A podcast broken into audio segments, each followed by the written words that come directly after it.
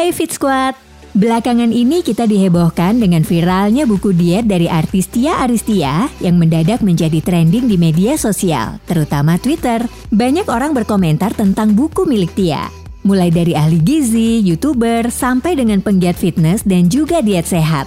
Mereka semua kompak dan menyarankan agar siapa pun yang sudah membeli buku ini untuk berpikir ulang saat akan mengikuti cara diet yang telah dilakukan oleh Tia Aristia. Sebetulnya apa yang menyebabkan banyak orang menyarankan untuk tidak melakukan diet Tia Aristia dan hal-hal apa saja yang membuat buku ini menjadi kontroversial? Fit Squad, Tia Aristia belakangan membuat kehebohan yang cukup kontroversial setelah muncul dengan buku perjalanan dietnya yang berjudul The Journey of Fit Tia Aristia. Buku yang sebenarnya sudah muncul sejak Oktober tahun lalu ini mendadak booming kembali di Twitter karena postingan @gisipedia yang coba menjelaskan berbagai miskonsepsi yang ada dalam buku ini. Buku yang berisikan motivasi diet dan juga perjalanan bagaimana Tia Aristia menjalani dietnya ini mendadak menjadi bumerang bagi Tia sendiri. Selain karena berbagai macam metodenya yang cukup berbahaya dan juga memicu banyak komentar para ahli gizi dan fitness trainer berpengalaman, diet Tia Aristia juga memicu kekhawatiran karena bisa sangat berbahaya jika diikuti oleh orang awam yang belum pernah mencoba diet seperti ini. Lalu apa saja pernyataan kontroversial dalam buku Tia yang memicu polemik dan juga dianggap berbahaya? 1. Very low calorie diet Very low calorie diet adalah jenis diet yang saat ini dilakukan oleh Tia Aristia. Diet ini biasa disebut dengan VLCD dan digolongkan dalam diet jenis ketat. Dikutip dari www.headline.com dalam artikel berjudul Very Low Calorie Diet, Diet yang mengharuskan seseorang mengkonsumsi makanan sangat rendah kalori ini umumnya dilakukan oleh orang-orang yang memiliki gangguan kesehatan seperti diabetes tipe 2 atau orang-orang yang mengalami obesitas cukup parah. Mereka diharuskan membatasi konsumsi kalori hanya sebesar 500 sampai 800 kalori saja per harinya. Sedangkan Tia Aristia sendiri mengkonsumsi kalori berkisar 500 sampai 600 kalori dalam sehari ini artinya kalori yang dikonsumsi Tia sangatlah rendah. Tia juga menyebut jika menu-menu yang dia konsumsi biasanya meliputi beberapa makanan seperti nasi, ayam, buah, susu low fat, cookies rendah kalori, dan juga ikan. Tia juga menghindari makanan seperti santan, gula, tepung, dan juga minyak selama melakukan diet. Dikutip dari channel Tia Aristia, dalam sehari Tia memiliki jadwal makan mulai pukul 9 pagi hingga pukul 9 malam dengan rincian menu sebagai berikut.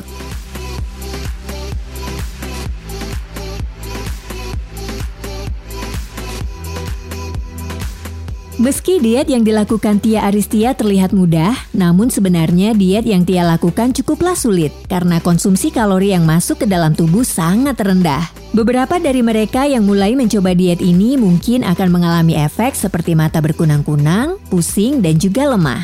Dikutip dari laman www.nhs.uk, dalam artikel yang berjudul Very Low Calorie Diet menyebutkan bahwa diet sangat rendah kalori dapat menyebabkan beberapa masalah kesehatan, seperti penyusutan organ, sembelit, kekurangan nutrisi, mulut kering, rusaknya siklus menstruasi, mata berkunang-kunang, hingga melambatnya metabolisme dalam jangka panjang. Meski berhasil sangat baik pada Tia Aristia, kamu tetap perlu hati-hati jika akan mengikuti diet yang dilakukan oleh Tia. Karena diet yang dilakukan oleh Tia harus melalui pengawasan dan persetujuan dokter yang ahli di bidangnya. Jika kamu ingin melakukan diet, kenali dahulu kondisi tubuhmu, Ukur kemampuan tubuhmu apakah kamu mampu menjalani diet seperti yang Tia Aristia lakukan atau tidak. Agar diet yang kamu lakukan tetap aman dan tidak membahayakan kesehatan kamu ya Fit Squad. 2. Diet tanpa sayur. Kontroversi lain yang ada dalam buku diet Tia Aristia adalah tidak adanya sayur dalam diet yang dia lakukan. Dan hal ini juga didukung oleh pernyataan Dr. Yusri sebagai dokter yang membimbing diet Tia Aristia yang mengatakan jika sayur dapat menghambat penurunan berat badan, memicu banyak ahli gizi ingin berkomentar pada metode ini. Meski Tia menyebutkan alasan dia tidak menambahkan sayuran dalam menu dietnya adalah karena dia tidak menyukai sayur. Namun pernyataan bahwa sayur menghambat penurunan berat badan dan selulosa tidak bisa dicerna manusia, ini cukup mengundang perdebatan. Sudah banyak bukti bahwa sayur dan serat dapat mendukung proses penurunan berat badan. Dikutip dari laman medicalnewstoday.com dalam artikel yang berjudul What are the most helpful vegetables? Disebutkan ada 15 jenis sayuran yang sangat baik untuk diet. Di antaranya adalah kale, brokoli, bayam, dan banyak sayuran lainnya. Meski pernyataan jika selulosa sulit dicerna tidak sepenuhnya salah karena memang manusia tidak memiliki enzim selulosa seperti pada perut hewan, namun kebutuhan serat pada manusia tetaplah penting dan sangat bermanfaat. Serat berguna melancarkan pencernaan dan berguna untuk melapisi dinding usus dan mengatur kadar gula dalam darah jika dikonsumsi dengan tepat. Secara normal manusia memerlukan serat sekitar 20-30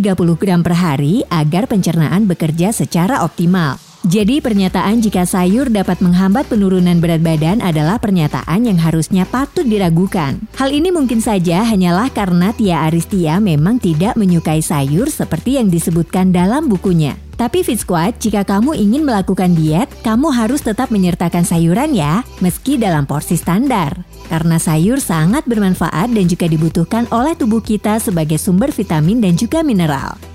Selanjutnya, fakta bahwa pemakaian garam dalam diet Tia yang juga kontroversial adalah bahwa bahan yang diolah dengan metode diet Tia boleh menggunakan garam dalam jumlah bebas, padahal standar pemakaian garam dari www.p2ptm.kemkes.go.id menyebutkan bahwa konsumsi garam yang dianjurkan dan juga aman bagi kesehatan perharinya adalah 1 sendok teh atau sekitar 2400 mg saja. Pemakaian garam yang bebas dalam buku Tia bisa ditafsirkan berbeda oleh mereka yang baru saja menjalani diet ini. 4.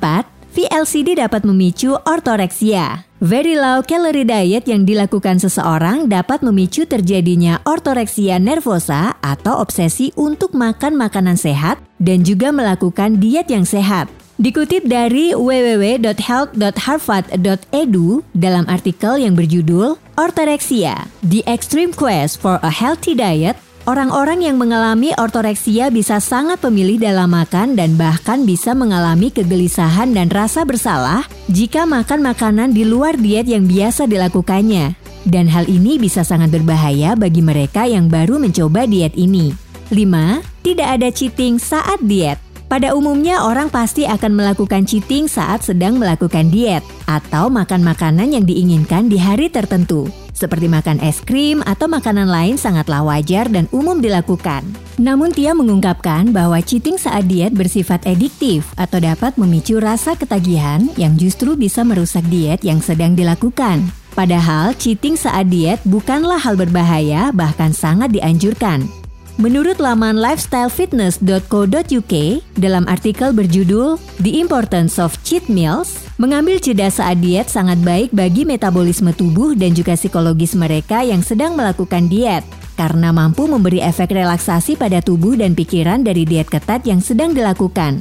Memaksakan diri bahkan tidak mengambil jeda sama sekali saat diet justru akan beresiko pada kesehatan mental mereka yang sedang melakukan diet cukup ketat. 6. Masa otot naik, diet jadi percuma. Di dalam buku Tia menyebutkan bahwa jalan kaki selama 45 menit bagus untuk meningkatkan metabolisme tubuh. Tapi Tia mengatakan bahwa jalan kaki yang dimaksud adalah secukupnya saja, jangan terlalu cepat. Karena akan membuat mereka yang menjalani diet ini jadi cepat lapar dan bisa mengkonsumsi makanan lebih lagi. Jika ini terjadi, maka masa otot akan naik namun berat badan akan sulit untuk turun. Kamu yang biasa melakukan workout dan juga mengatur pola makan dalam waktu bersamaan pasti sadar betul bukan bahwa jika workout kita berhasil, maka masa otot kita justru akan naik karena pada saat bersamaan kalori yang diatur dengan baik akan berdampak pada pembentukan otot yang jauh lebih baik. Tia menyebutkan jika jalan kaki selama 45 menit akan membentuk masa otot yang justru mempersulit turunnya berat badan. Padahal anggapan ini kurang tepat. Dengan jumlah konsumsi kalori yang sangat kecil yaitu berkisar 500 kalori, mustahil masa otot dapat terbentuk saat tubuh sedang melakukan latihan fisik seperti jalan kaki maupun saat olahraga lainnya. Berikutnya menu diet yang sangat terjangkau. Dalam postingan at Gizipedia, Gizipedia menyoroti menu murah yang ditulis Tia dalam bukunya yang berkisar ada harga 4.350 saja.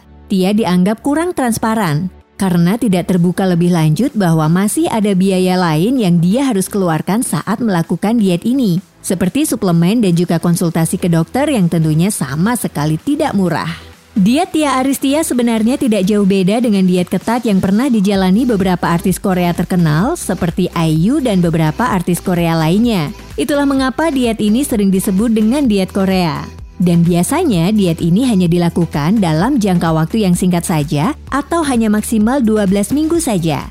Untuk kamu yang sangat pemula dan tidak memiliki pengalaman diet apa pun, sebaiknya lebih berhati-hati sebelum melakukan diet apa pun, termasuk diet Tia Aristia.